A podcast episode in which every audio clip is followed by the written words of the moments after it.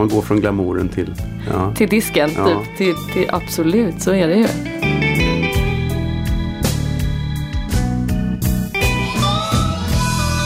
Bastusnack. Hej och välkommen till eh, avsnitt 34 av Bastusnack. Podden där jag, David Granditsky, sätter mig i bastun och snackar med mina vänner och bekanta. För er som är nya lyssnare ska jag berätta att det finns en Facebook-sida där jag då och då lägger upp lite kompletterande material. Eh, det kan finnas eh, bilder och filmer och ja, sånt som har med avsnitten att göra. En och annan länk också. Kolla gärna den. Och när ni ändå är ute på det stora nätet och surfar, passa på att surfa in på min sponsors hemsida också, tyle.se. Tyle Bastu har ju ett enormt sortiment av bastuprodukter. Gå in på tyle.se och kolla in deras eh, serie Harmony basturum. Det finns mängder av kombinationer. Prova själv och bygg din egen bastu virtuellt med det smarta webbverktyget på hemsidan. Du kan eh, designa ditt eget basturum och sen kommer det hem till dig i platta paket, färdiga att montera helt utan specialverktyg. Och el och ventilation, det är förberett det också. Eller beställ en bastukilt. En grymt smart produkt för oss som är trötta på handdukar som halkar ner. Tack till Tylö för att ni är med och sponsrar Bastusnack. När vi ändå är inne på ämnet bastu så vill jag passa på att tipsa om Världsbastukongressen i Haparanda i juni. Svenska Bastuakademin är värd för den 17 internationella Sauna Congress 2018 som kommer att hållas i Haparanda Tornio och Kukkolaforsen den 7 till 10 juni. Man eh, väntar delegater från ett 20-tal länder. Bastusnack kommer givetvis att finnas på plats och kanske blir det en eller annan livepodd också. Gå in på Bastuakademins hemsida och läs mer. Dagens gäst är Sanna Martin. Ännu en av dessa människor med det luddiga epitetet mångsysslare. Hon eh, pratar i radio, spelar ballettmästarinna i Phantom of the Opera och hon har spelat in en platta med låtar av Peter Lemark. Hon målar tavlor, hon dubbar film. Ja, allt detta och lite till snackar vi om i bastun. Hör själva!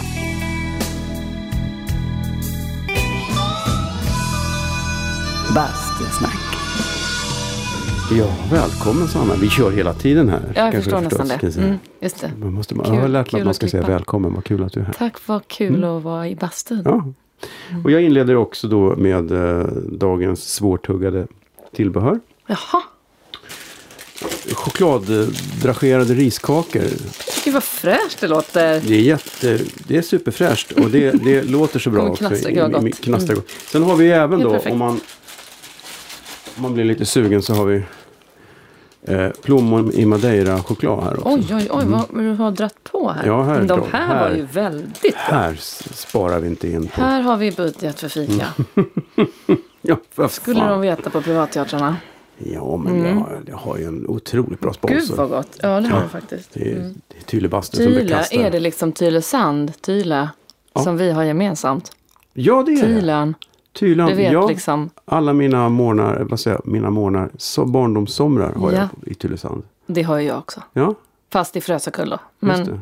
Det är ju same, lite same, but different. Är inte Frösakull lite finare? nej, jag tror att det är tvärtom. Så var det alltid när man var liten. Att det var så nej men det är Tylösand, det är inte Frösakull. För vi, vi, hyrde, vi hyrde ett hus av någon en sommar i Tylösand.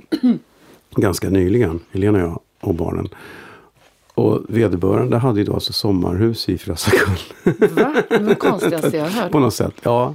Eller om det var att han, han bodde med sin ju, mamma om där. man åker kanske. dit så här tillfälligt så är det ju mycket bättre att veta om att Frösakull finns eftersom att det är behagligare att bada där. det är Då det är mycket mindre folk. Ja. Mm. Men eh, Nu annars vet alla är det. det. Same same. Så nu, jag tar, det klipper vi bort.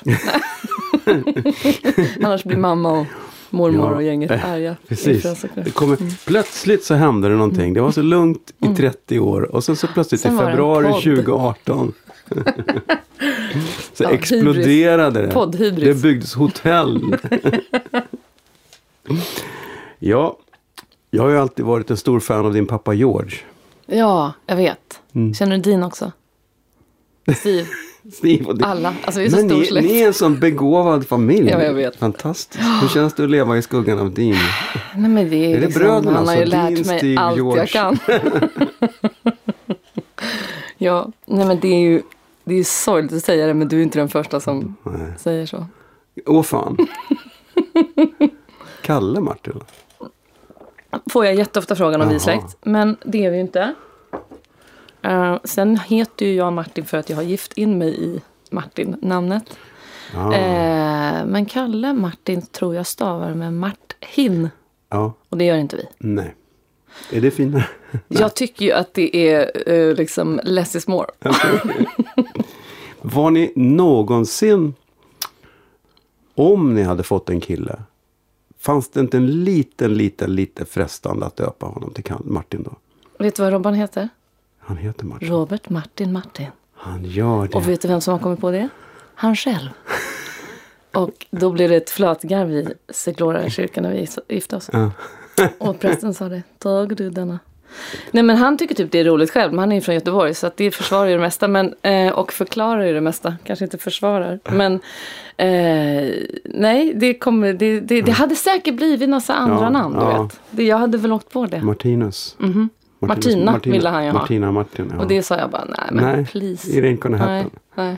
Men ni har ju varit ihop, typ, ni, är inte ni så här världsrekordhållare i att vara ihop jättelänge? Jo men 20 år förra året. 15 år har vi varit gifta nu. Jag är chockad själv alltid när jag säger det. För jag tror ofta att saker ska gå åt pipan. Men det har inte gjort det. Nej, Mm. det Det, har varit fint. väldigt roligt. Ja. Ja. Det måste inte gå i pipan. Nej, det måste det inte. Och det har varit... Eh... Nej men jag tror vi är ett jättebra team. Mm, uppenbarligen. Mm. Uppenbarligen. Eh, Men ni kanske, hinner ni ses? Ja, Det är en nyckelfråga. Eller men är det bara vad? jobb och barn? Där, nej men så är det. Alltså förra året var det ju eh, inte storslaget på den fronten Nej. att ses. Eh, för att det är ju ofta så här att jag hinner ju träffa barnen såklart. Och han hinner ju träffa dem. Mm. Men då går ju jag. Så det är ju vår tid som blir lidande Mm. när man är på teatern. Men det där får man ju lära sig att planera in. Och sen kommer det somrar som alltid är ganska långa för oss. Och Mm. så kommer det ledigheter och så kommer det... Ja men man får ju planera liksom. Mm. Ja, som alla andra. Som Ja, alla som andra. Jag tror alla. inte att det är värre faktiskt. eh, Egentligen för oss. Det är en fördel att ha kvällsjobb tycker jag. För då har man inarbetade barnvakter. Mm. Man har kamrater som har dagsjobb och de har ju jättesvårt att komma iväg och Mm, göra kul grejer. mm. För de har ingen barnvakt. Nej, Vi har ju typ en miljon barnvakter eftersom vi måste. gud roligt. Ja, nej men så, lite så är det ju. Mm. Men vad, vad, vad kommer du från, från starten? Det, det är så här. Det finns ju ytterligare en sån här grej. Så du har ju fått tusen miljoner frågor. Så, Åh, inte du judinna? Det är du Ja. inte heller. Ja, nej. Bara för jag har en krok i näsan. Mm. Jo, men så, nej, nej, nej, nej, jo, nej. jag skulle, så jag skulle det säga snarare att det är eh, karaktärsdraget. Du, du, du är liksom kort och pratar mycket skulle jag säga. jo men det kommer kanske från en som vet då hur det är egentligen. att. Jo men absolut, så kan det vara. Men, nej, men den, den frågan har jag fått. Och jag får, får alltid frågan, men är du svensk? Liksom? Eller har du någon, vad, är vad har du för påbrå? Men det är ju inte roligare än att pappa är från Örebro och mamma är från Göteborg. och ingen annan har en krokig näsa. För du är inte ens från Belgien. Nej, men jag är född där. Ja. Mm. Ingen är därifrån, men Nej. vi har ju bott där i eh, eh, två omgångar då, Ja. familjen. Av, Eh, av jobbskäl. Pappa har jobbat på Mölnlycke och Holmen och så pappersbolag. Och Mhm. mamma jobbar på skolan där nere, där vi gick. Att, Men du, eh, du började Belgien Mm. och så Sverige och så Belgien Mm, igen. Men mm. hur, hur länge var du i Precis. Belgien första svängen? Hann du börja skolan då också? Nej, då var jag tre när vi flyttade hem. Ja. Mm. Och sen var jag 13 när vi flyttade tillbaks. Och 19 igen tillbaks. Men Så att- 13 och flyttat till Belgien Mm. från, var bodde ni då? Göteborg, Stockholm? Nej, då bodde vi här, mm, Här. i Stockholm. Ja. Det måste ju suga. ja, men jag var skitarg alltså. Jag tyckte det var helt förfärligt.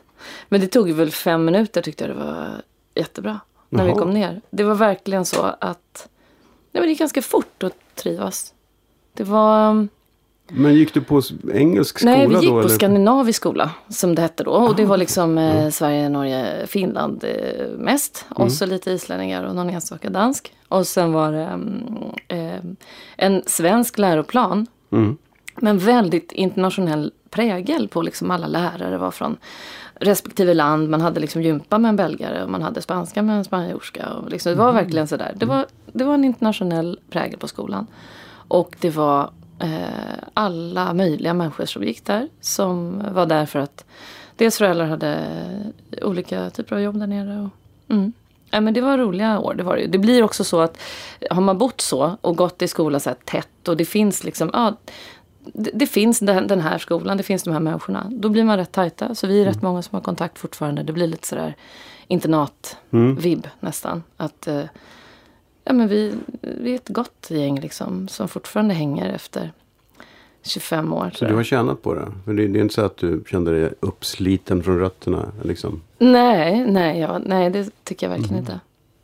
Men sen tillbaks? Sen tillbaks och då hade jag börjat sjunga och spela och sådär mm. där nere.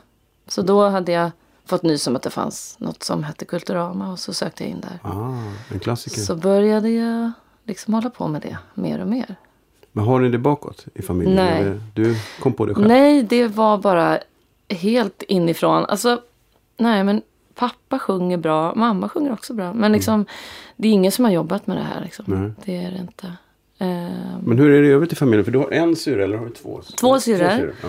Uh, men alla är musikaliska. Men ingen har liksom gått åt det här hållet. En av mina syrror är sjuksköterska. Och den andra är ekonom. Och en bor ett kvarter från mig och den andra bor i Jakarta. Så hon väger upp liksom avståndet för alla andra. Mm. Och jag är äldst. Mm -hmm. Ja. Stora systers. Visst vet du. Varenda symptom. Ja, men då kan man gå sin egen väg också och visa vägen. Mm, mm. Men Kulturama, var det enstaka kurser eller var det musikallinjen då? Eller något sånt? Nej, det var eh, poplinje, ja. pop, popsång, ja. vad heter det? Jazz och pop. Jazz och pop. Ja, ett års sång och musik. Ja, just det. det var, mm. På den tiden, var det innan de blev liksom alltså skola? Då, ja, det var ju när de låg liksom vid Fridhemsplan. Mm. Och det var, nej men du vet, det var så paradis att komma in där. Jag tyckte ju, alltså det var ju ganska akademiskt där, liksom mm. skolor och mm. föräldrar i Bryssel och så. Mm. Så kom jag dit och hälsade på en gång. För jag hade fått tips om den här skolan. Och det var ju som att stiga in liksom i ett kreativt mecka. Mm. Det var ju bara så här, åh, här måste jag vara. Och så, eh, nej men. Det var, det var liksom väldigt roligt år att mm. få prova på alla möjliga genrer, alla möjliga liksom kompvarianter, eh, liksom teoretiskt, praktiskt. Jättebra lärare. Skitkul. Mm. Träffar du mycket kompisar som du har kvar idag? Var ja, men en och annan. Ja, Gabriel Fors och jag lärde känna varandra där. Mm. Och vi har ju kontakt fortfarande. Och liksom, eh, några av dem som blev sen i det här Sound of Music-gänget mm. var också där på den tiden. Mm. Så att det är liksom några Redan då? Men vilket kvar. år är vi? 94, 94, var det vi började där. Ja. Och sen var det Sound of Music. Mm. Det var Sound of Music, men mm. när gick du Kulturama då? Var det 94. Tidigare? Sen 94. kom Sound of Music 95. Det var direkt? Mm. Ah, så du fick mm. det direkt? Ja. ja, precis. Det var liksom en lärare på skolan som sa så här. Du, eh, de ska söka eh, liksom, det här Sound of Music eh, gänget nu. Så att det är bara att gå dit. På den tiden var det ju liksom bara så här. Hej hej. Mm. Man bara gick dit.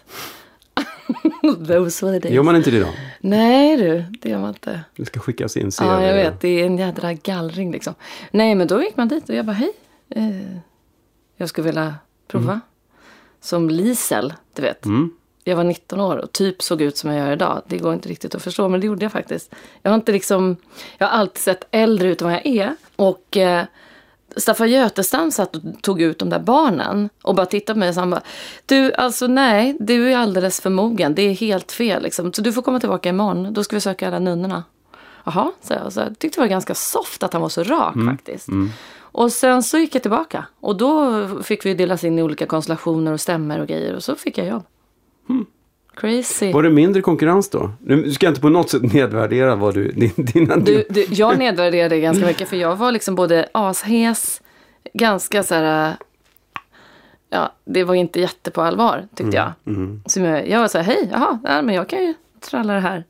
Och jag läste bra noter, jag liksom kunde mm. acklimatisera mig till vad de ville ha, tror jag, där och då. Eh, men jag hade ju ingen förhoppning att få jobb. Jag var ju liksom, det var ju ingen mobil som fanns. Så ringde jag hem till min pappas fax. Liksom. Alltså du vet, och bara så här, ja hallå? Så här, ja, det är Gun här från Göta Lejon. Så här, Jaha, hej. Nej men du vet, det var jätteoväntat. Mm. Så att du, det kan du nedvärdera. Men däremot så, ja, jag tror att det var mindre konkurrens. Mm. Sen var det väldigt tydligt att de bad om en konstellation i tjejkören som var inte bara klassisk. Och det var ju på den slotten jag kom in. Att någon skulle vara lite raspig och lite, du vet. Men jag minns dig från det, jag tror det var första gången jag träffade dig. Va? Eh, dock, jag, jag tror aldrig jag såg föreställningen, men det var alltid fest på Göta Lejon. Det var typ alltid, man var Jag alltid där på något kalas. Och då minns jag dig, du var en sån här som for runt och pratade med alla och var jätteglad. Och en av nunnorna där, man kommer ihåg, ja men där är alla nunnorna. Du bara, Ja, ja men det var, jo, men jag var nog liksom. Men gud vad Ja. träffades vi på den tiden? Ja. Detta jag minns har två jag. minnen från de där festerna. Det var, jag träffade dig och jag träffade Runar. Ja, men va? Vem tycker du är Ja. roligast? Nej, Ja, det är jag fortfarande Ja. kontakt med. Jag vet, det är alltid något. Ja. Mm. Nu är jag inte, jag ska inte säga att Nej, jag, men jag pratade så mycket med Runar. Jag Nej. inte sån. Nej, men just det, det är men de där nej, men minnena, folk som hängde på festerna. Stämmer. Ja, Ja. folk som gör så här, som man minns. Mm. Men rakt in med bara ett års Kulturama i ryggen. Ja. Och rakt in på Göta Lejon. Det är Ja, ju det var- vansinnigt bra start. Det var en jättebra start. Det var ju en skola liksom. Vi spelade Ja. ju sju gånger i veckan. Det var ju giganter liksom i varenda hörn. Eh, och man, jag såg ju åt mig som en svamp. Liksom. Verkligen. Och stod i byxan och bara så här titta på Tommy och Meta, Meta Welander och Nisse Dybeck. Och du vet, det var så det. bra människor. Alltså det var... Nej, det var skitbra folk. Per Morberg var jättebra. Alltså det var bra i varenda liten biroll. Liksom. Mm. Alla nunnetjejerna var ju fantastiska. Alltså musikaliskt lät det ju skitbra. Mm. Det kan man verkligen säga själv när man är en tiondel. Liksom, Mm, faktiskt. Och sen så har vi hållit kontakt. Vi fick en egen show efter det. Liksom. Så vi Just har ju det. turnerat ihop och gjorde jättemycket gig. Och Just TV det. och sådär Nunnorna från, vad heter ni? Nuns Sound of Nuns. Sound of Nuns. Jag tänkte Nuns and Guns. tänkte. Guns N' Nuns hette showen. Så du har faktiskt rätt. ah, Riksteatern 97. det är coolt. Ja, men det var helt crazy. Uffe Det typ- Brunnberg ha- haffade oss på eh, Guldmasken när vi uppträdde. Han bara, det här måste vi göra en show av. Men det är roligt. Det är, eh, det är den andra ensemblespinoffen jag kan komma ihåg någonsin. Vi har ju på, på Dramaten fanns också Romeo och Julia-kören. Ja, som är en precis. spin-off från Romeo och Julia Ja. way back på 90-talet.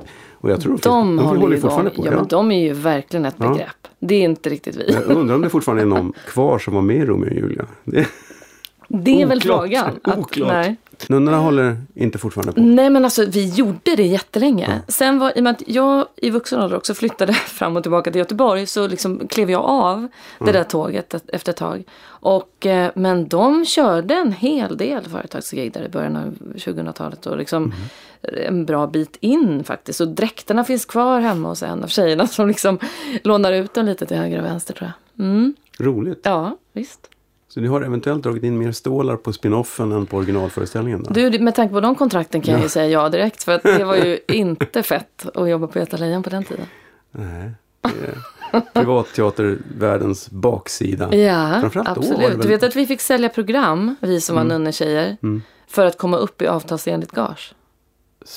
Så eh, skål för det. Liksom. Mm. Men det eh, tidiga 90-talet var väl inte firade väl inga triumfer rent fackligt? Nej, i eh, fackliga Nej. sammanhang. Nej, nej, nej, absolut inte. Men, eh, men sen så tog de liksom lite sitt eh, förnuft i fångarna efter en, en termin då, eller en höst med sju fulla föreställningar i veckan. Mm. Så sa de att nej, men nu behöver ni inte sälja program. Nu kan ni få 500 spänn ändå. Men det är lite smärtsamt när man ser att det är sju föreställningar i veckan, det är utsålt. Och ni måste sälja program för att komma upp i... Ja men det var helt lön. sinnessjukt. Vi liksom sminka oss, soundchecka, eh, på med så allt under som skulle vara under nunnedoken och klänningarna. Och sen på med någon liten så här hm kostym Och ut i Åh. foajén och bara tjing tjong så här program. Och sen när klockan var första ringningen, 20 över sju, in, på med doken. Liksom, på med myggan. Och då har ni liksom redan gjort ett gig. Ja, ja, ja, ja. ja. Alltså, Så blir man helt, svettig och skön direkt. nej, men den, uppvärmd. Då levde man ju liksom helt. Men jag älskade ju det. Mm. Jag liksom var 20 år och var så här. Ja. Körberg hade varit min idol hela min barndom. Och du vet, jag bara så här tyckte jag levde liksom i sus och dus. Men han behövde inte sälja program va? Nej, han klarade sig från det. Ja. Jättekonstigt. Det var väl han och Carola? Bara. Alla Nej, andra. ah, Det var faktiskt bara vi som var, Ja. det var bara vi som var körnunnor. De som inte var solistnunnor faktiskt. Som Ah. gjorde det. Mm. Sex stycken var vi. Som fick kränga. Ja. Bastusnack. Du är 19 bast, du har gjort, gått musikallinjen, du får Sound of Music. Och då är du liksom inne i branschen. när Sound of Music sen läggs ner, går du rakt in i en annan produktion? Mm. Men då, det var då den här nunneturnén följde. Ja. Eh, så det är liksom, då, det gick i ett där. Eh, vi slutade, vi spelade väl 425 föreställningar. Så slutade vi liksom i juni och sen hade vi premiär på Folkan i juli. För det var så här sommarteater som sen gick över i höstturné med Mm. nunnorna. Så det var hela det året liksom. Och sen blev det ju ett glapp. För jag gick ju inte musikallinjen, jag gick ju det här jazz och poplinjen. Och sen, gick jag, sen Förlåt. läste jag teater på dagarna på Sound Music. Så att jag gick på Teaterakademin på deltid. Och eh, var väl liksom sugen på så här, så jag ville söka scenskolan, alltså artisten där musikal i Göteborg. Efter det här var över med Nunne-grejen. Eh, och då hade jag träffat Robban också så jag ville flytta till Göteborg. Och då, men då sprack jag i, eh, i sista provet där. Så att det var så här deppigt.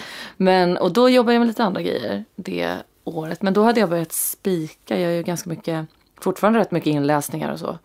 Så att jag klarade mig rätt bra den perioden på, på inläsningar. Och sen så började jag Balettakademin efter det. Så blev det. Det är roligt att du nämner Balettakademin eftersom du på din egen CV säger att du är, eh, om jag då ska citera, jag är medioker som Ja, dansare. men, jag är, du vet, men herregud David, jag är inte ens medioker. Jag är liksom en katastrof. Men du kom in på Ja, Balettakademin. men det var ju för att jag kunde det andra. Det var ju så här på audition med den här nummerlappen så sitter den här helt fantastiska koreografen Gunilla Olsson som fortfarande är verksam och sitter liksom, ursäkta nummer 98 där bak, liksom, har du, hur länge har du dansat? Aldrig, sa jag. Hon bara, nej, okej. Det liksom förklarar saken. Jag kunde inte andra position, liksom. jag kunde ingenting. Så att jag ville gå där för att jag ville lära mig att röra mig på en scen. Och eh, det gjorde jag ju. Och du kom in på det. Ja, och det, det hyllar liksom lite den skolan faktiskt. Att de, de, eh, jag vet inte hur det är idag, men jag tror att det är lite samma tänk. Att de faktiskt tar tillvara på så här, men där finns det en kvalitet här. Det här eh, liksom, tänkte att du ja, har- det här nej, men Jag var ju för, sångerska ja. liksom Ja. och hade ju yrkeserfarenhet. Och jag eh, brann ju liksom nästan mer för teaterbiten. Mm. Och sen så kunde jag typ inte förflytta mig. Och det resulterade i att hela första året hade jag ju så här kronisk inflammation i ryggen, i ljumskarna, nackspärrar. Det var bara katastrof. 23 år och börja vrida ut höfterna var ingen jättebra idé liksom. Men sen lossnade det faktiskt på alla Ja. möjliga håll. Alltså att det gick att ta till sig vad man lärde sig. Så det var faktiskt eh, skitbra år. Och vi var en väldigt bra klass som många, många jobbar mycket idag fortfarande. Och vi har också mycket kontakt. Liksom, det är fantastiskt att du inte gav upp i den där Nej, världen inte- som ju kan vara väldigt... Mm, mm, jag vet. Nej men gud, det var... Eh, nej men det var jag aldrig sugen på. Att hoppa av faktiskt. Det var jag inte. Bastusnack. Har du spelat någon seriös teater då? Seriös Ja. mening inte musikal? Nej men precis. Jag, ja, jag var på Göteborgs stadsteater ett år och då gjorde vi en väldigt spejsad variant av, av eh, Blodsbröllop. Lorca. Och det var urkul med en spansk regissör som var så passionerad. Och liksom, vi var tre tjejer som var med i Allt eller inget som gick där. Och då eh, plockade de oss till så här, vi vill ha lite sång men ni ska också göra det här. Och det var eh, en omarbetning av de här grekiska körerna som liksom finns med. Eh, det var väldigt intressant. Eh, men utöver det har jag gjort eh, väldigt lite talteater egentligen. Det vill jag absolut göra mer. Mm. Jag tycker inte att det är så stor skillnad. Alltså, det, det där förvånar alltid mig. Att det är sånt steg för en del sångare att tala. Och likaså många skådespelare får ju liksom har ju en replik som är liksom kunglig. Och sen så börjar de sjunga och då åker rösten liksom bak. Och, du vet, och jag kan bli lite fascinerad och tänka men det är ju liksom vi ska ju ändå åt samma håll. Det, det kan jag jä- jättemycket när jag går och tittar på kollegor. Kan jag känna att det här, det här borde vi verkligen jobba med i det här landet. För så funkar det ju inte riktigt overseas. Och så funkar det inte i England. Och alltså där är man ju actor. Och så lär du dig det andra eller har det andra. Eh, här vill vi gärna dela upp oss och det vinner inte så många på. Nej men det, det finns ju, känns ju lite grann som att det finns olika grupper. Ja. Eh, Men det gäller ju även institutionsteatern och privatteatern. Att det är Oh, ja. olika klickar av människor med några få undantag. Ja, och jag menar, det, allt Det är ju handlar inte så väl att det finns egentligen... en pool av skådespelare och sångare, artister som Nej. är med lite här och var. Utan antingen är man i Ja. den svängen eller så är man i den andra. Nej men precis. Och det, är- ofta får man ju försvara då när man går utanför sin läst. Liksom. Mm, Och det där, ja, det där tycker jag är väldigt tröttsamt. Att det, att det ska... Nej men gud, det räckte ju liksom. Jag kommer ihåg när jag gjorde min platta. Liksom. Det var ju ett eget initiativ och då Mm. sjöng jag eh, på ett sätt som kanske vissa inte hade hört. Liksom. Och då var ju vissa så här musikalmänniskor bara så här, "Ha, men har du liksom... Du, du söker du inga musikaljobb längre då? Så här, jag bara, Men det ju... Jo, det gör jag. Så Herregud. Det är väl inte heller så att vi har ett uttryck. Vi är ju en, vad ska man säga, en kropp och det är massa ådror tycker jag. Liksom. Herregud, jag skrivit hela mitt liv och målat hela mitt liv. Alltså, och så ska man behöva försvara det när man börjar tjäna pengar på det. Om du, om du får, om du, om du, låt oss säga att du hade eh, en, ett, ett carte blanche inför hösten och, och får välja vilket jobb du vill. Mm. Vad skulle du prioritera? Ja, alltså herregud. Apropå det här med nischer och sånt. Ja. Vad känner du, var är du nu? Vad är det du skulle vilja? Nej, men jag, jag mår väldigt bra när jag får göra en uppgift som är liksom i... Ja, som, som eh, för handlingen framåt på något sätt. Jag Mm. har inga supervassa armbågar eller jättestarka drömmar om bara huvudroller och så. Men, jag, ja, men som Fantomen var ju bra på det sättet att det var en eh, intressant roll i ett bra sammanhang. Mm. Det, jag skulle nog svara det. Mm. Men då skulle jag gärna vilja sjunga lite mer som mig själv. Det vill säga Mm. i min bekväma röst. Liksom. Mm. Det, men så att jag gärna musikteater och eh, någon härlig roll där jag kan få um, vara med och eh, lägga det pusslet. Men du är lite typen också som plötsligt skulle kunna sätta upp en soloshow någonstans. Ja, men det kan hända. Ja. Eh, det, det, jag skriver lite på Ja, det. Men det, det, ja. det är liksom väldigt långt kvar. Men det finns ett litet utkast. Men du skriver också. Ja, alltså inte manus och, och sådär och inte sånger. Men jag skriver väldigt mycket eh, reflekterande texter. Jag har liksom skrivit dagbok länge. Jag har Mm. skrivit eh, noveller när jag var yngre. Jag har eh, liksom eh, tycker om att, att uttrycka mig i ord. Mm. Liksom, och Mm. startade en liten sån här, ja, la in massa texter i, i liksom en liten krönikeblogg för två, tre år sedan. Mm. Så, så det, jag skriver liksom mest för min egen skull och så lägger jag ut en del helt enkelt. Mm. Jo, men jag har läst din blogg. Den, faktiskt. Den är bra. Ja, Den är bra. kul. Och den är väldigt ärlig. Ja, ja det är det. Om, om livet och Ja, men det allting. kan vara om livet, om högt och lågt, om eh, företeelser man stöter på och liksom eh, politiska funderingar och så vidare. Mm. Så det är ju som sagt för min egen del som en ventil lite Ja. grann. Jag tycker den har ett fint namn också. Ja, en artistmorsas betraktelse. Är det- Jag kom knappt ihåg själv hette. Ja. Ja, just det. Ja, vad kul. Och då tänker man, vilken artist är hon morsa till? Och Jag vet. man, och så får man tänka, ja fast vänta nu, det betyder det inte. Nej, artistmorsa. Ja, det är Artist så man har känt sig några år nu. Ja. Som någon sorts artistmorsa. ja, Man går från glamouren till, ja. till disken, Ja. typ. Till, till, absolut, så är det ju. Bastusnack. 2017 var ett pissår för dig. Ja, det var det faktiskt. På ett personligt plan, ja. Ja. Mm, verkligen. Det var det. Eh, ja, men det är ju i och med att det nyss var 2017 så är det svårt att bortse från det nu, liksom när vi sitter i, i januari. Men det var ju tufft. Vi, eh, ja, men vi hade ju liksom kortfattat så var det ju så att eh, min man blev eh, utmattad och eh, vår yngsta dotter fick en eh, ja, vi, vi fick, fick reda på att hon hade en ganska grav synnedsättning. Mm. Och det började utredas och behandlas så att eh, hon var tvungen att täcka för sitt dåliga öga, och, eller sitt bästa öga för att träna sitt dåliga öga. Och detta var stora, stora, stora fighter och gråt och liksom, det var verkligen någonting som präglade varenda dag. Och samtidigt så spelade jag ju Fantomen sex gånger i veckan. Och det var liksom en um, föreställning som var fantastisk att jobba med men det var ju en låst föreställning där man fick vara liksom på tårna. Man ska alltid vara på tårna men jag tror att många förstår vad jag menar ändå. Att det, det krävde kanske ja, en viss stringens liksom ändå. Och då var det inte alltid jättekul att åka hemifrån när i, de inte mådde bra hemma. Sen i, i terrorattacken där i april så var det en flicka som, som dog som var kompis med vår äldsta dotter. Så att det var mycket som hände på våren.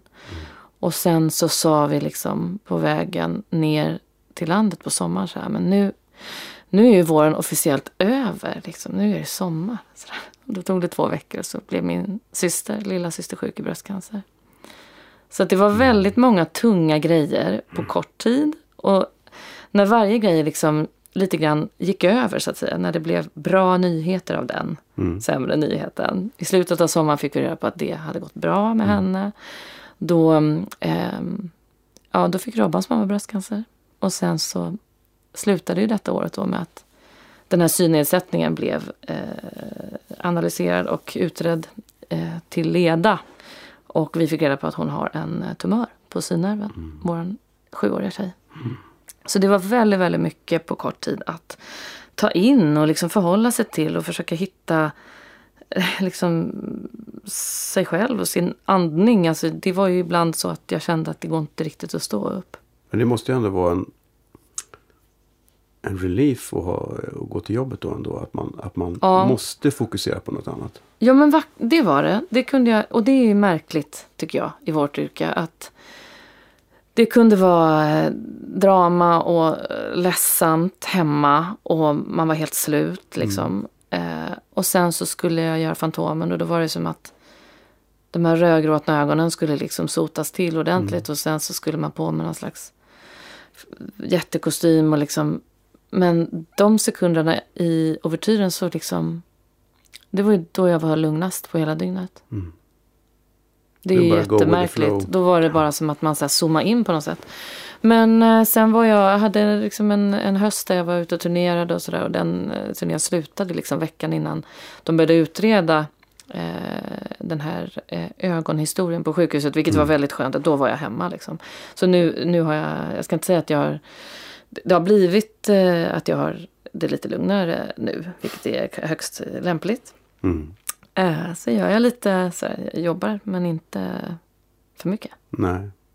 Jag tror ändå det är bra att ha en fast, en fast punkt när, när världen gungar. Ja, att ha en liten punkt där man faktiskt måste prestera Ja, någonting. verkligen, men det är Eh, jättekul. För annars och- går man ner i det här eh, spiral, svarta Ja, spiralen. och tror det, det måste man också ty- tycka. Liksom, Mm. Nu har jag varit och undervisat i två veckor på Base 23 där på musikallinjen. Och att liksom ha, gå in där och, och med emfas och engagemang få dem och krama Mm. ur bästa ur dem. Liksom, det är väldigt kul och det är också väldigt skönt att känna att så här, nej, men vad fan, jag funkar ju. Mm. Min hjärna är, och min röst och min liksom, kapacitet har ju inte dött bara Nej. för att det här har gungat, som du säger. Så Nej. att det, det blir bra. De, det är en jättebra prognos. Liksom, det, det är ju ingen elak cancer hon har fått. Utan det är en eh, tumör som kommer krympa. Men om man inte gör det nu så kan den eh, börja bråka mer med henne. Så det är därför som de måste göra det här nu.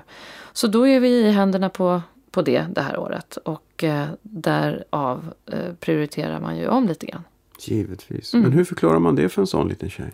Det är ju skitsvårt. Alltså det, ja, det, men det, det är jättesvårt och det har inte vi gjort kan man väl säga. Utan hon förstod ju inte riktigt vad problemet var. Eftersom hon, tyck, hon har vant sig så gradvis vid sin sämre syn. Mm. Så att hon är ju i stort sett i sin funktion är hon ju enögd. Hon, hon gör allt med ett öga. Vilket gör att när de började utreda och ville röntga och komma tillbaka på prover och komma tillbaka på neurologiska undersökningar så här, dag efter dag. Så sa hon ju, men varför, var- varför ska jag dit igen? Det, det gör ingenting att jag ser så här. Jag, det, det, gör, det är inget problem. Liksom. Nej, men, men det, vi vet inte vad det är. Liksom. Så att tills de har sagt vad det är så måste vi vara där. Och sen var det faktiskt en helt, helt enastående läkare som gav oss beskedet. Och då var det ju också så att det hade gått en vecka, tio dagar med olika besök och undersökningar och läkare. Och de hade hittat en förändring bakom ögat på en röntgen. Men de kunde inte säga vad det var förrän de hade gjort fler undersökningar. Och förändring är aldrig ett väldigt bra ord kan man ju säga. Eh, Nej, så vi visste ju liksom att det här är fel. inte Mm. lysande. Men de säger ju det istället för tumör. Mm. För att tumör är så laddat. Mm. Och tumör betyder ju egentligen bara cellklump. Alltså, Mm. Mm. Det måste inte vara en katastrof alls, men det säger man inte för det är så otroligt laddat. Ja, men Så cancer de, är ju ja, med och cancer. cancer är fruktansvärt laddat. Och allt det här måste jag säga att de har förklarat väldigt bra för henne. Att när det då väl kom in en onkolog och sa hej och så såg man på skylten att det stod barnonkolog, då kände jag ju att jag ville slå en stekpanna i huvudet på mig själv. Liksom. Eh, då eh, så tog det 30 sekunder. Så sa han bara att vi vet varför du inte ser. Han tittade på henne hela tiden. Mm. Vi har fattat vad det är med ditt öga. Eh, du har en liten tumör där. Och den ska vi krympa med medicin. Och du kommer bli jättebra. Och det här är ingen tumör man, man dör av. Det är ingen som är farlig. Och det var ju liksom så här, ratta, ratta, ratta, ratt, check. Då stillnade liksom havet skönt. efter den här stormen en vecka. Så att de har förklarat det för henne. Mm. Faktiskt. Man vill ju vara ärlig fast samtidigt så vill man ju inte skrämma upp Mm, dem. nej, men sen har det kommit funderingar Ja. efteråt. Så här, men kan jag dö av det här? Nej, det kan du inte. Inte av det här. Och det får vi säga då. Ju, ja. Så att det är klart att det här är ju helt... Det är ju diskussioner och det är eh, liksom vardagsstunder som, som man tänker att ingen förälder vill ha. Liksom. Man vill inte stå på den kvadratmetern på det sjukhuset. Liksom. Det är ingen som vill det. Men Och bara för att det är godartat så betyder det inte att behandlingen är en dans på rosor. nej, det, den är inte det. Nej. Det är så mycket kan jag säga. Mm. Mm. Hur länge, när, när tror ni att det är klara med den då? Om ett år ungefär. Ja, wow. Tufft. Ja, Tufft. det...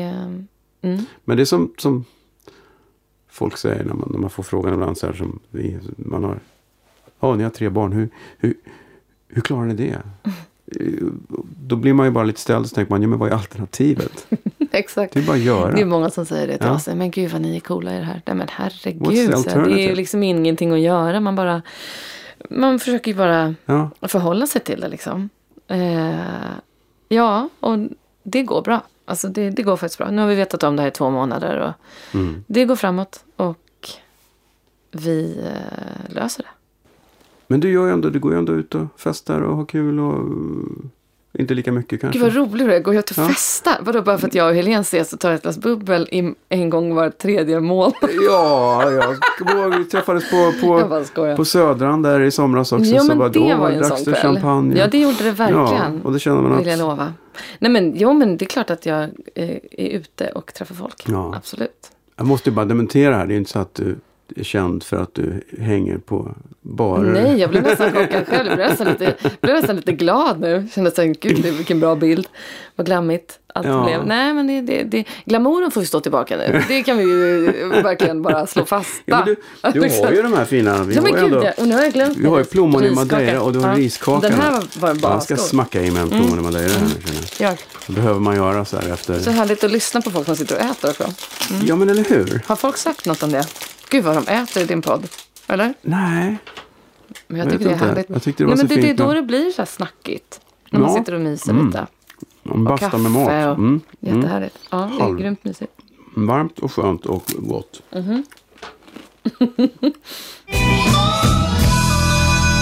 Bastusnack. Du, du har ju lanserat en produkt som egentligen faktiskt skulle kunna säljas till dig fast det verkar inte behövas. Du har ju något som heter pepptavlan. Ja, just det. Ja, Den var ligger lite i träda nu. Ja, Gör men det? faktiskt. Ja, eller det är mest att jag, ja, men jag får lite beställningar då och då. Mm. Pepptavlan. Det var en period när jag inte hade så mycket jobb. Så hade jag hittat, alltså en, jag tror att det var våran eh, mm, eh, Robbas brorson skulle ta studenten och då gjorde jag en tavla med ett Jimi Hendrix-citat som jag hade liksom printat på ett sätt som jag tyckte var kul. Så, där. så ja, men det här borde du göra mer av, så var det någon som sa. Ja, ska jag göra liksom. Och så, mm, så fick jag väl, ja men jag fick väl gjort några och då gav jag bort den till Sissi Wrangel. Eh, som skrev ett sms till mig. Åh, vad jag är glad för min pepptavla. Så, så bara kände jag, det där var ju skitbra ord. Så då varumärkes... Eh, skyddade jag det. Då köpte jag det begrepp, eller liksom varumärket. Och sen så gjorde jag som små kollektioner varje jul i tre år. Och sålde liksom rätt mycket till företag som skulle ge till sina medarbetare och så. Med eh, olika peppande citat och ord. Typ? Och. Ja men typ det löser sig. Typ, ehm, ja, men bara för det kan jag inte komma på något. Men det ligger jättemånga på Facebook-sidan. Du får kolla. ja men sen gjorde gillade jag den. några som det var så sig här. jag var fin. Ja. Just idag är jag stark gjorde jag. Mhm. Till en kompis som är Hammarby-fan. Och la upp på Facebook-sidan. Och det bara sa ju bara pang. Jag fick så förbannat många exakt sådana gröna liksom, du vet, beställningar. Så från, och du vet, aha, det här tänkte jag inte riktigt på. Så det var skitmycket grön färg där som jag gick åt ett tag. Men nu har jag inte målat på ett halvår eller ett år faktiskt. Det har, det har inte blivit av. Jag tyckte de var bra för att de är inte så... Nej men det är inte så här PK. Det är inte bara så här carpe diem. Exakt. Ja. Eh, Nej, nej Det är det inte det inte. Nej. Det är mer carpe fucking diem. Ja! Carpe fucking diem. Ja men det har jag gjort Ja, stycken. det. Ja. ja men så, Queen of fucking everything. Ja. Alltså inte bara, nu låter det som att jag bara svär men det gör jag I och för sig så är kanske mitt, min akilleshäl i livet. Att jag Ja, du svär svär. mycket. Ja, det gör jag också. Jag Fruktansvärt. försöker Det- skärpa mig. Men vad är det med människor som... Jag vet att jag har ett språk. Alltså, och så kan jag inte hantera det privat på något sätt. Jag får så här- jag får ju, ja, jag får ju super om jag träffar en präst-ish. Ja, Shit, det här är andra avsnitt jag pratar om. Jag träffar inte så mycket präster, men jag tog det som ett exempel. Men, Mm. ehm, då får, jag får ju sån här tvångs... men det får jag också. I frikyrkosammanhang. man bara, Ja, jävla ja. kuk. Nej, förlåt, jag menar, det är liksom, no, sorry. Då är du värre än vad jag är. Nej, jag, Nej, men- jag, men jag, Ja. jag gör det, jag Nej, säger ju jag inte. Jag bara, bara får en Tourettes. Jo, men ja, det får jag också. Men sen, ja, men ibland så hamnar man i sammanhang där man känner så här. Nej, måste jag ju säga vad jag Mm, tycker och säga som det är. Eller säga, ja, gå utanför den där lilla sfären. Ja, nej, det är märkligt. Men, mm. Men om du plockar bort Alltså, du gör ju jättemycket. Du, du målar och sjunger och spelar teater och skriver och, och, och, och tar hand om familj och håller på. Men, men det är jättesens. Det blir väldigt awkward då att säga, men har du några fritidsintressen? Nej. Nej, men vet du vad det är så... Nej, men alltså om jag då är lite ledig och sådär, då vill ju jag gå på teater. Mm. Det är det jag vill göra först. Och sen så tycker jag att det är... Om det är sommar tycker jag... Alltså, på sommar tycker jag det är skitkul att spela tennis till exempel. Mm. Det tycker jag är askul. Eh, men jag är så kass på att liksom ha ett fritidsintresse. Nej men urdålig. Det måste jag typ hitta. Jag tror vår kul? bransch är väldigt dålig på Men man är helt yrkesskadad. Ja, och jag, ja. nej men jag, du vet, på fritiden, jag kan ju fastna fyra timmar framför en partiledardebatt på tv. Liksom. Mhm. Och, ty, och, och att sitta och anteckna hur dåliga alla är på att prata och så. För det är ju typ mitt Du är största mer intresse. retoriken, ja, eller? Ja. Det, jag är ju fullständig retoriknörd alltså. Ah. Tycker det är så kul så det är inte klokt. Så att, eh, och det, men det, det förvånar ju mig att folk i det här landet inte kan prata ordentligt. Ja, nej. Och inte kan lyssna ordentligt. så att det, sånt, det är faktiskt mitt intresse. Och nu har jag ju börjat jobba med det också. Men det, så att nej, då har jag inget Så du är intresse där heller. retorikcoach? Ja, det, delvis Jag är jag hatar faktiskt det. ordet coach. Jag hatar också coach. Så att eh, nej, men jag är ju... Eh, Ja. Ja, men liksom, jag, ja, ja, det har blivit lite så rådgivning. Mm. Inte bara retorik, men framförallt så uttryck. Personligt uttryck. Hur man faktiskt förädlar sitt egna uttryck. Mhm. Att eh, våga kommunicera rakt och tydligt. Jag har jobbat med ett företag nu som heter Future by Me som jobbar jättemycket mot skolan. Mm. Där lärare uppmuntras till att liksom äga sitt klassrum. Och att kommunicera tydligare med retoriska verktyg. Mhm. Så där har jag varit inne och föreläst eh, ett gäng gånger. Och det är hur kul som helst. Och där eh, skulle ju lite politiker och så behöva hänga också på de föreläsningarna. För att, Finns det eh, någon du tycker är bra? Nu pratar jag inte åsikter och politik, nej, jag vet. utan bara det, som för det, retoriker. jag, jag har, vet ja. typ knappt själv vad jag har Ja, för åsikter. ja. För att, eh, så att det är, jag tycker både Jonas Sjöstedt är jättebra och Annie Lööf och tyvärr också Jimmie Åkesson. Jo, men jag tycker han är fantastisk. Jag tycker han är... Oavsett vad han Mm. Ja, får för det är de skitfrågor. Och så du kan lyckas titta han ju på så- trovärdig- Han är alltså, ja, ja. jättesnugg att Men han har, väl de där. kommit, han har väl ändå gjort lite bra intryck nu rent retoriskt också. Vad heter han? Ulf Kristersson. Jo, men jag tycker han är tydlig. Om vi Ja. pratar retoriska. Han är liksom, väldigt tydlig. Han är tydlig. Och det duger alltid på något Mm. sätt. För det är ju så många som inte är. Så att, nej, men jag tycker det här är jätteintressant. Du vet förra gången när det var val.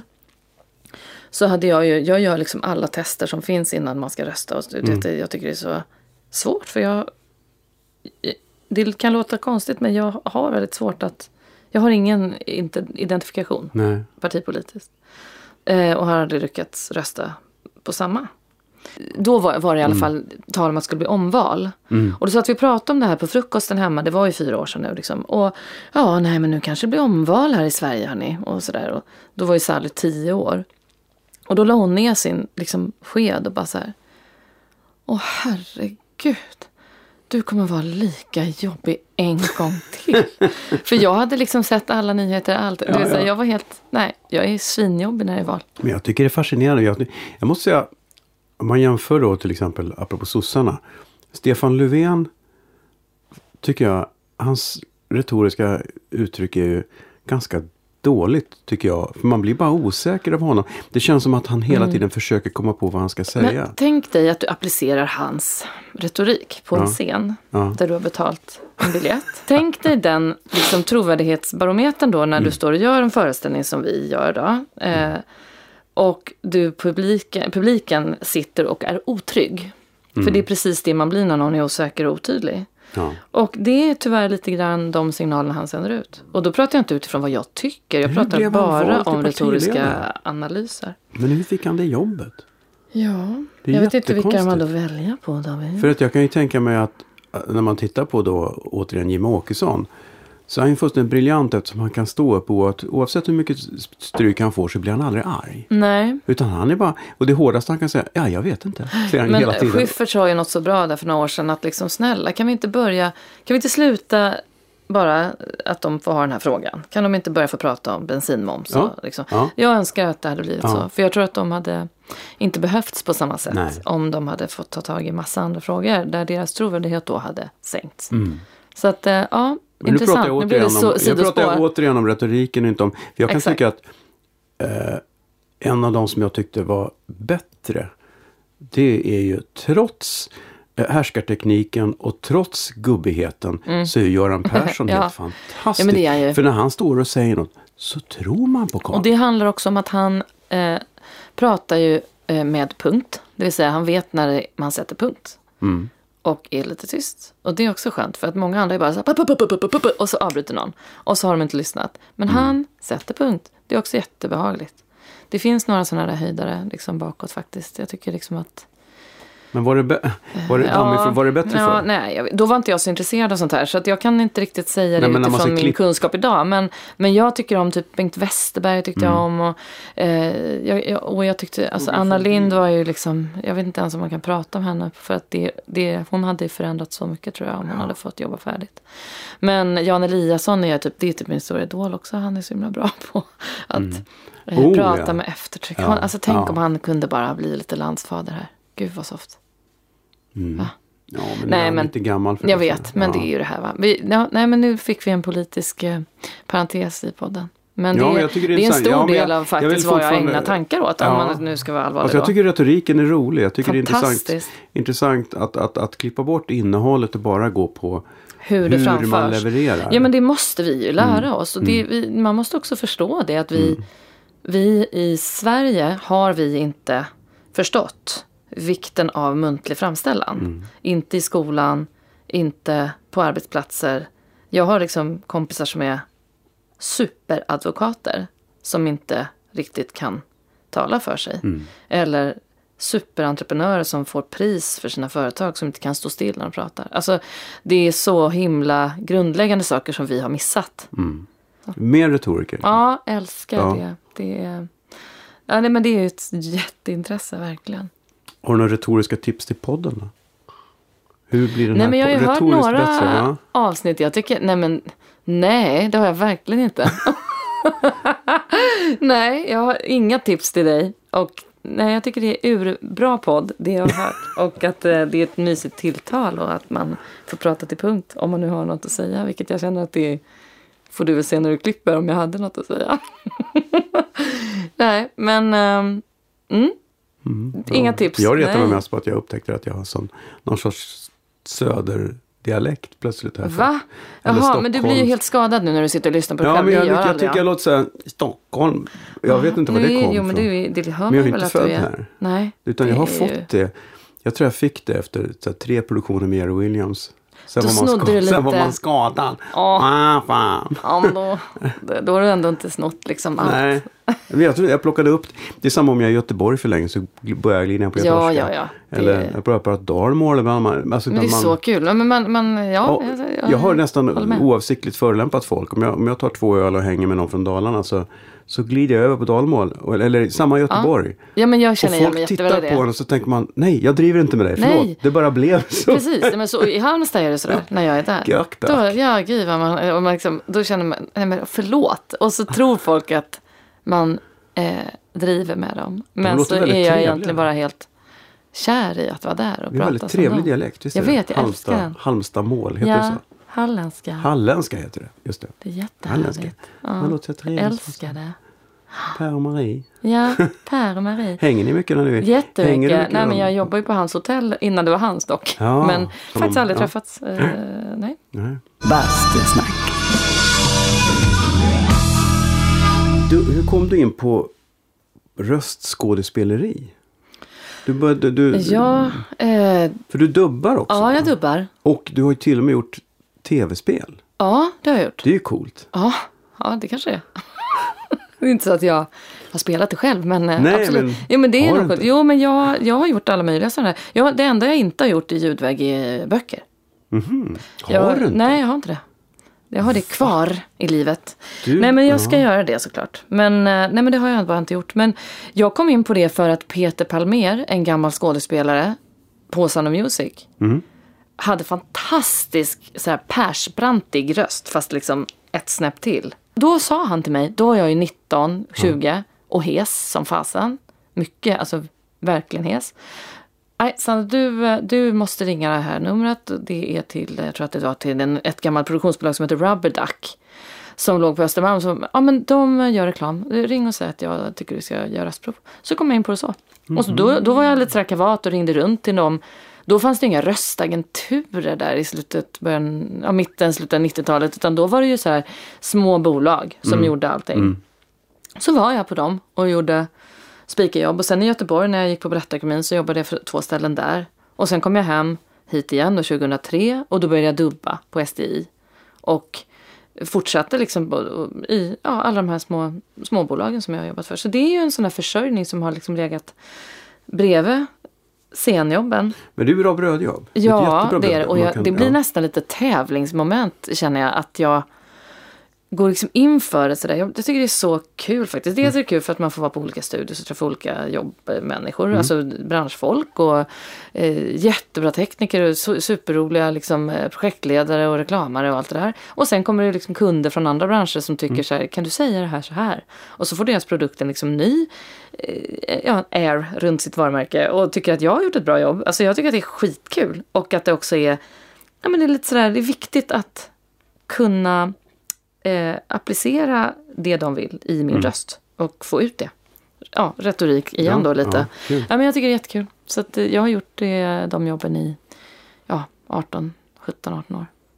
Det har blivit dags för Skämskudden. Herregud vad pinsamt. Skämskudden. Nej, inte den där gamla demon. Vi har ju ett eh, avsnitt som folk verkligen älskar. De ringer till mig och vill vara med enbart för den här skämskudden. Folk vill ju visa upp. Folk vill ju komma hit Ja. och berätta om sina misslyckanden. Ja men åh herregud. Eh, men var- har du någon skämskudde? Nej, men jag, jag tänkte liksom när du frågade att jag, Mm. åh vad kul, och jag har säkert kvar någon rolig inspelning. Så, men det hade jag inte. Inte sån här som var pinsam.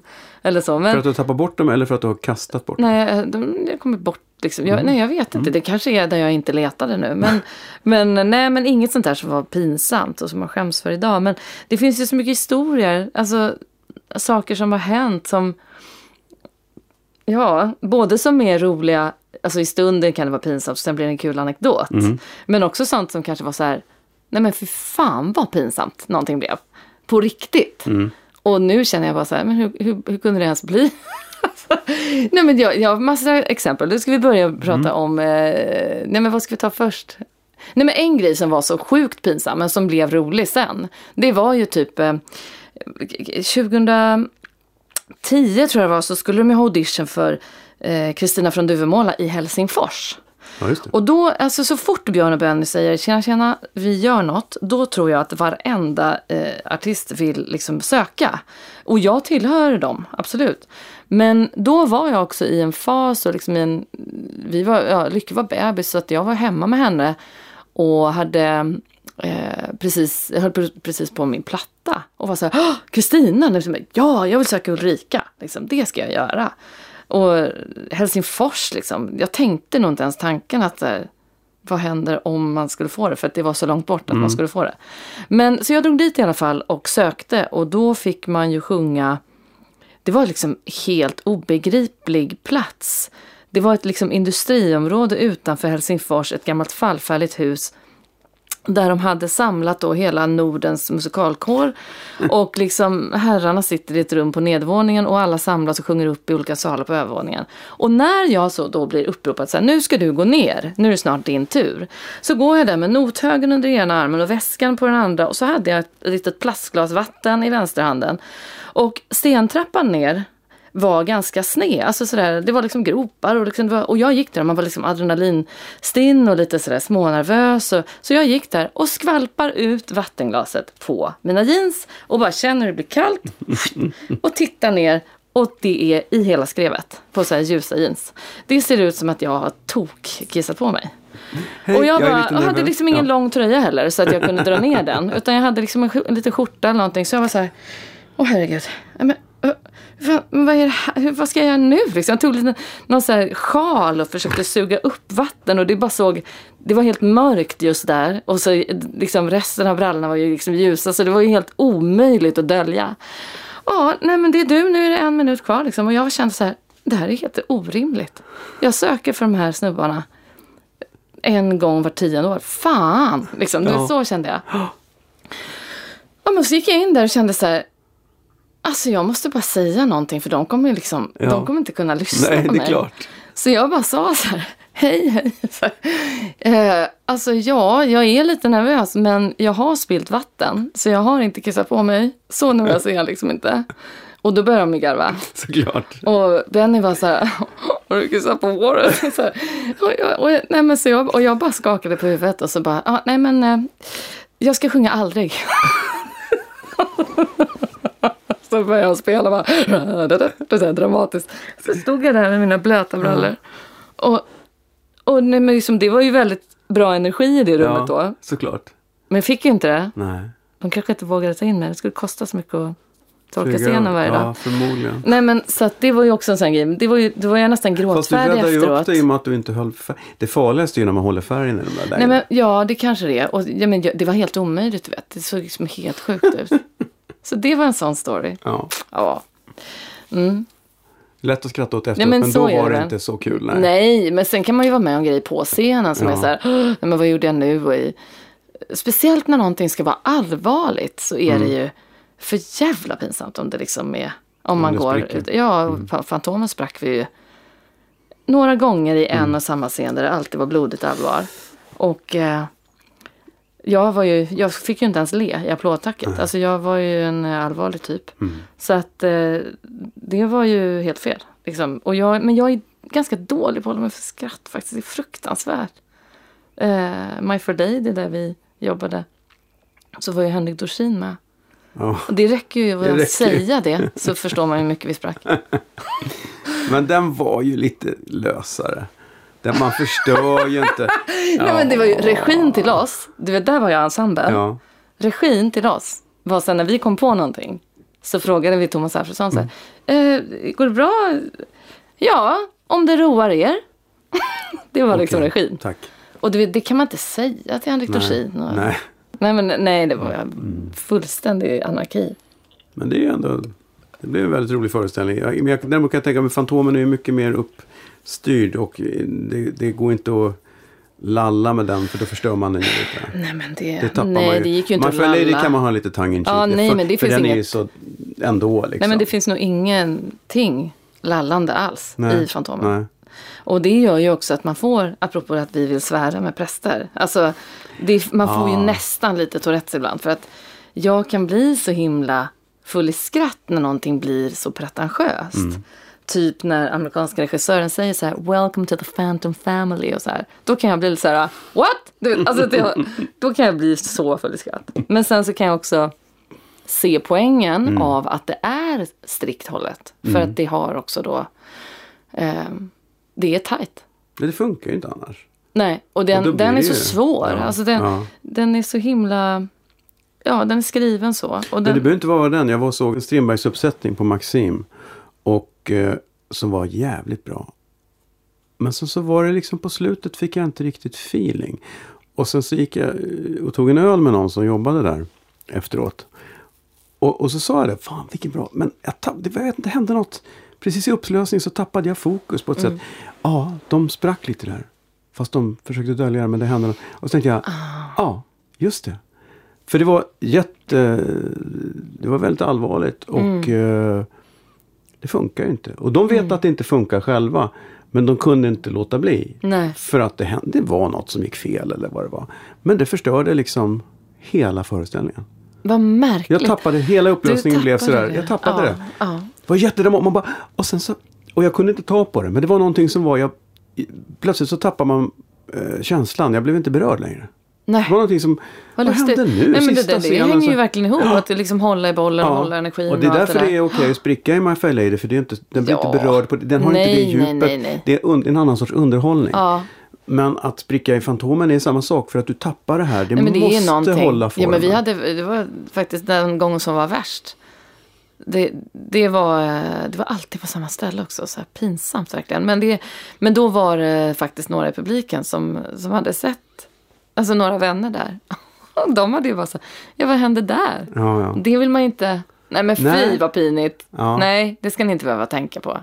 Alltså det var ju inget schysst. Men eh, som sagt, det var ju inte alla gånger. Det var bara några. Bastusnack. Och nu är Peter på Broadway. Ja, men han är på Fatta Broadway. hur stort Nej, men det han är så målmedveten. Och så han har verkligen förvaltat eh, sina drömmar. Ja. Och liksom, nej, jag är jättestolt över honom. Mm. Han var liksom han, det var ju han som ens fick mig att söka Fantomen. Han, Men jag, hade ju tror aldrig inte- gjort det annars. Jag tror inte folk i Sverige fattar att Phantom of the Opera fyller 30 år på Broadway. Och till själva 30 års jubileumsföreställningen av alla de Fantomen som finns, för det är ju många som har Mm, det spelat är Fantomen. jättemånga. Ja. Så skickar de ett sms till Peter. Ja. Hej, du har väl inte tid och lust att göra det här va? Precis. Och så tänker man, men vänta nu, det här är ju Ja. De så valde stort. honom. Och så är det så Ja. roligt att de någonstans tänker att ja, men han har ju gjort äh, våran lilla produktion. Du behöver väl inte vara med i den Mm. Nej. igen? Jo, Nej, och han, men och han, ja, precis. Men han, eh, Det stora är ju liksom att dels att de väljer honom och sen att de själva lite sådär försynt tycker att äh, det här är väl inte något för honom. Och han, det, det, jag tycker det, det Mm. Finns det är en dubbel grej i det. Att, absolut. och han känner, det är klart det är, det är ju så Nej, men det är stort. superkul att han är där igen. Jag hade gärna sett det. Mm. Men det blir lite svårt nu. Men ja, nej, det, det är gör han det? fantastiskt. Han... gör det bara till eh, alltså, eh, mitten av mars, va? Ja, sen kommer han. Om jag, s- ja, jag tror det. Nej, helt fantastiskt. Det är jättekul att han är där. Och han har ju... Han sjunger det väldigt bra, Mm. tycker jag. Han gör jag såg grej. ett klipp på Youtube från jubileumsföreställningen när han eh, då har de släppt in ett rockband på scenen från eh, den andra musikalen School of Rock. Va? Ja, och så har de Sarah Brightman. Det här måste jag se. Det har jag, inte missat sett helt. det. Nej, det är vad Peter och Sarah. Brightman och man bara wow, Nej, vad Ja. fräckt. Jaha, oj då. Mm. The original. The original ja, jag vet inte vem det var som var Fantomen i originalet. Michael Crawford var det som eh, spelade in plattan och som gjorde originalet. Ja. Men eh, sen har de ju switchat många. Liksom, Men varför var inte han där? Nej, men jag vet inte. Han kanske, kanske är- är lite till åren. Ja. Jag skulle tro För att han Sarah är Brightman liksom... åldras ju inte. Inte alls eller? Nej, äh, Men rösten då? Alltså för det, nu har jag aldrig haft det här idealet, du vet, att jag har tyckt om. Ja, men du vet Fantomen, jag, det är ju Ja. som att svära i kyrkan när man har fått vara i The Phantom Family. Att jag inte har riktigt eh, liksom haft det som ideal. Jag, jag har aldrig varit ett Fantom-fan. jag såg den på Oscars och jag tyckte den sög. Mhm. Men det var ju inte min grej och jag tyckte att det var så fjösigt ljud. För jag tyckte när den här orgeln kommer, da, da, da, da, da, Mm. så var det någon sorts pip, pip, pip, pip. Det var liksom inget, jag blev ingen, det var inget, Nej. nej. men det här var ju 80-talet. Ja, så det var det. Det kanske jag hade tyckte hänt det, jag blev superbesviken. Men du var inte och Eh, såg våran. Jag var inte det. Jag, vi spelade ju hyfsat parallellt. Ja, det gjorde Ja. vi. Sånt händer. Ja, man hinner ju aldrig se, det är så mycket man inte Nej, hinner men se. så är det ju. Det året hann inte jag se Jag någonting. har knappt heller. sett någonting annat som går i stan Nej, utom den Men det var ju en sån eh, situation, att, Ja. apropå ljudet, att Ja. eh, det var ju liksom eh, satt av engelsmännen. Ja, ja. Och när de åkte hem och Nypan och Junior fick Mm. sätta sin lilla prägel, då jublade vi ju. Det var ju... Det gjorde de i smyg alltså, för det blir ett himla liv Nej men inte, jag ska, det, oh, gud, kanske man inte ens får säga. Nej men det, det var ju inte tror- så att de gjorde om det, det Helt du ärligt, jag tror inte att Cameron McIntosh lyssnar Tror på du den inte här. Nej. Vi hoppas att eh, han inte gör det då. Men, nej, men han, ja, de gjorde ju inte om ljudet. Men du vet, det kunde räcka med liksom nå, Jo men det är den här de, lilla nej, men den här tweaken, ja. grejen att Mm. som sångare, ja, alltså ljudtekniken är ju liksom, liksom ens livlina till att kunna göra ett bra jobb. Mm. Att inte jag skulle få ha en dialog med dig om vi skulle jobba ihop. Mm. Det skulle ju vara helt katastrofalt. Och där var det lite så här, du vet att Eh, nej, nej, men ljudet ska inte vara med på våra möten. För att ni ska inte kunna ge dem notes och säga vad ni tycker. Du vet, jag blev helt, där fick jag ju Tourettes igen. Vilket gjorde att jag var alltid sådär, hej, jag är lite sjuk. Jag klarar inte de här tonerna om inte du reverbar mig lite. Alltså, den dialogen måste vi ju kunna få ha. Eh, men det gjorde ju också då att under vägen så, så kunde de ju ändå sätta sin lilla, lilla prägel och sin hjälp. Men det där är lite det engelska kontrollbehovet. Jag har jobbat i engelska produktioner ett par gånger och det finns ju en, en otrolig eh, det finns ju en otrolig eh, hierarki som Ja. vi inte har. Vi har ju mycket plattare men där är det, du får inte tala med fel person. Nej. Det går ju inte. För Nej, men- det, det, Nej men det var ju Ja. jättekonstigt. Mm. Att eh, det, det var ju någon som hade sagt till. Jag tror det var när vi, nej men vi det var ju jättefin stämning i ensemblen. Det var ju ett fantastiskt gäng liksom, Fantomen. Eh, det var ju en himla kul period. Men det var i början där när amerikanerna fortfarande var där och höll på med perukerna och sådär. Mm. Så hade de sagt till någon att, jag tror det var någon av oss roller då som hade suttit i sminket. Så hade det varit liksom någon som hade skojat och höll på bakom. På att säga, nej men ni måste liksom lugna ner det här. Och, Va? Varför det? Du vet, vi hade ju dökul. Så ville de ändå säga, nej det ska vara en så Mm.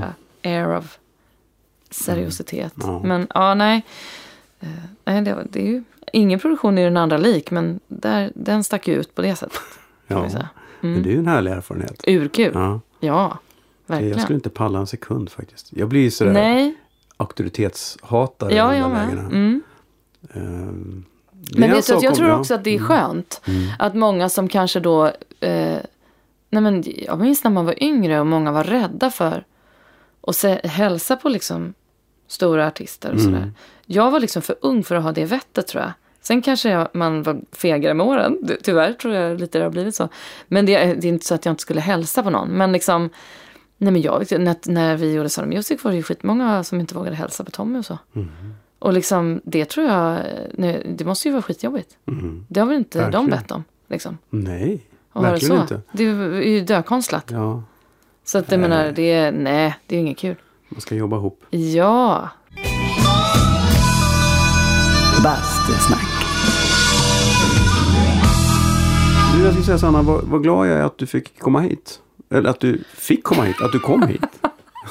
vad glad jag är Att jag tog mig hit. Ja. Nej, jag ska. Nej, men tack för att jag Ja. fick eh, komma. Det var jättemysigt. Ja, tyvärr så är det isen för krallig idag så att jag tror inte det blir någon Vi får isvak. liksom köra så här fotbad inne vid kanten då, eller vad? Ja, vi får gå ut och sätta fötterna i snön eller något. Ja, eller kommer jag hit också. och badar när det blir varmare? Ja, det tycker jag. Du är välkommen. Tack. Ja, tack Ja, för gör jag. besöket. Ja, tack snälla. Bastusnack. Tack för besöket Sanna. Ni som tyckte att det där med pepptavlan lät kul, gå in på pepptavlan.se och beställ en egen. Jag funderar på att beställa en egen där det står Allt blir bra om man tar en bastu först. Ja, eller något sånt. Ni ska givetvis också besöka min sponsor på www.tylö.se och beställa en bastukilt. Den är ju både snygg och praktisk. Som en gäst i bastun sa häromdagen, den är ju perfekt när man ska byta kläder på stranden också. Se där, ännu ett användningsområde. Kolla både kiltar och basturum på tylö.se. Om en vecka är jag tillbaks med en ny spännande gäst. Till dess, basta försiktigt!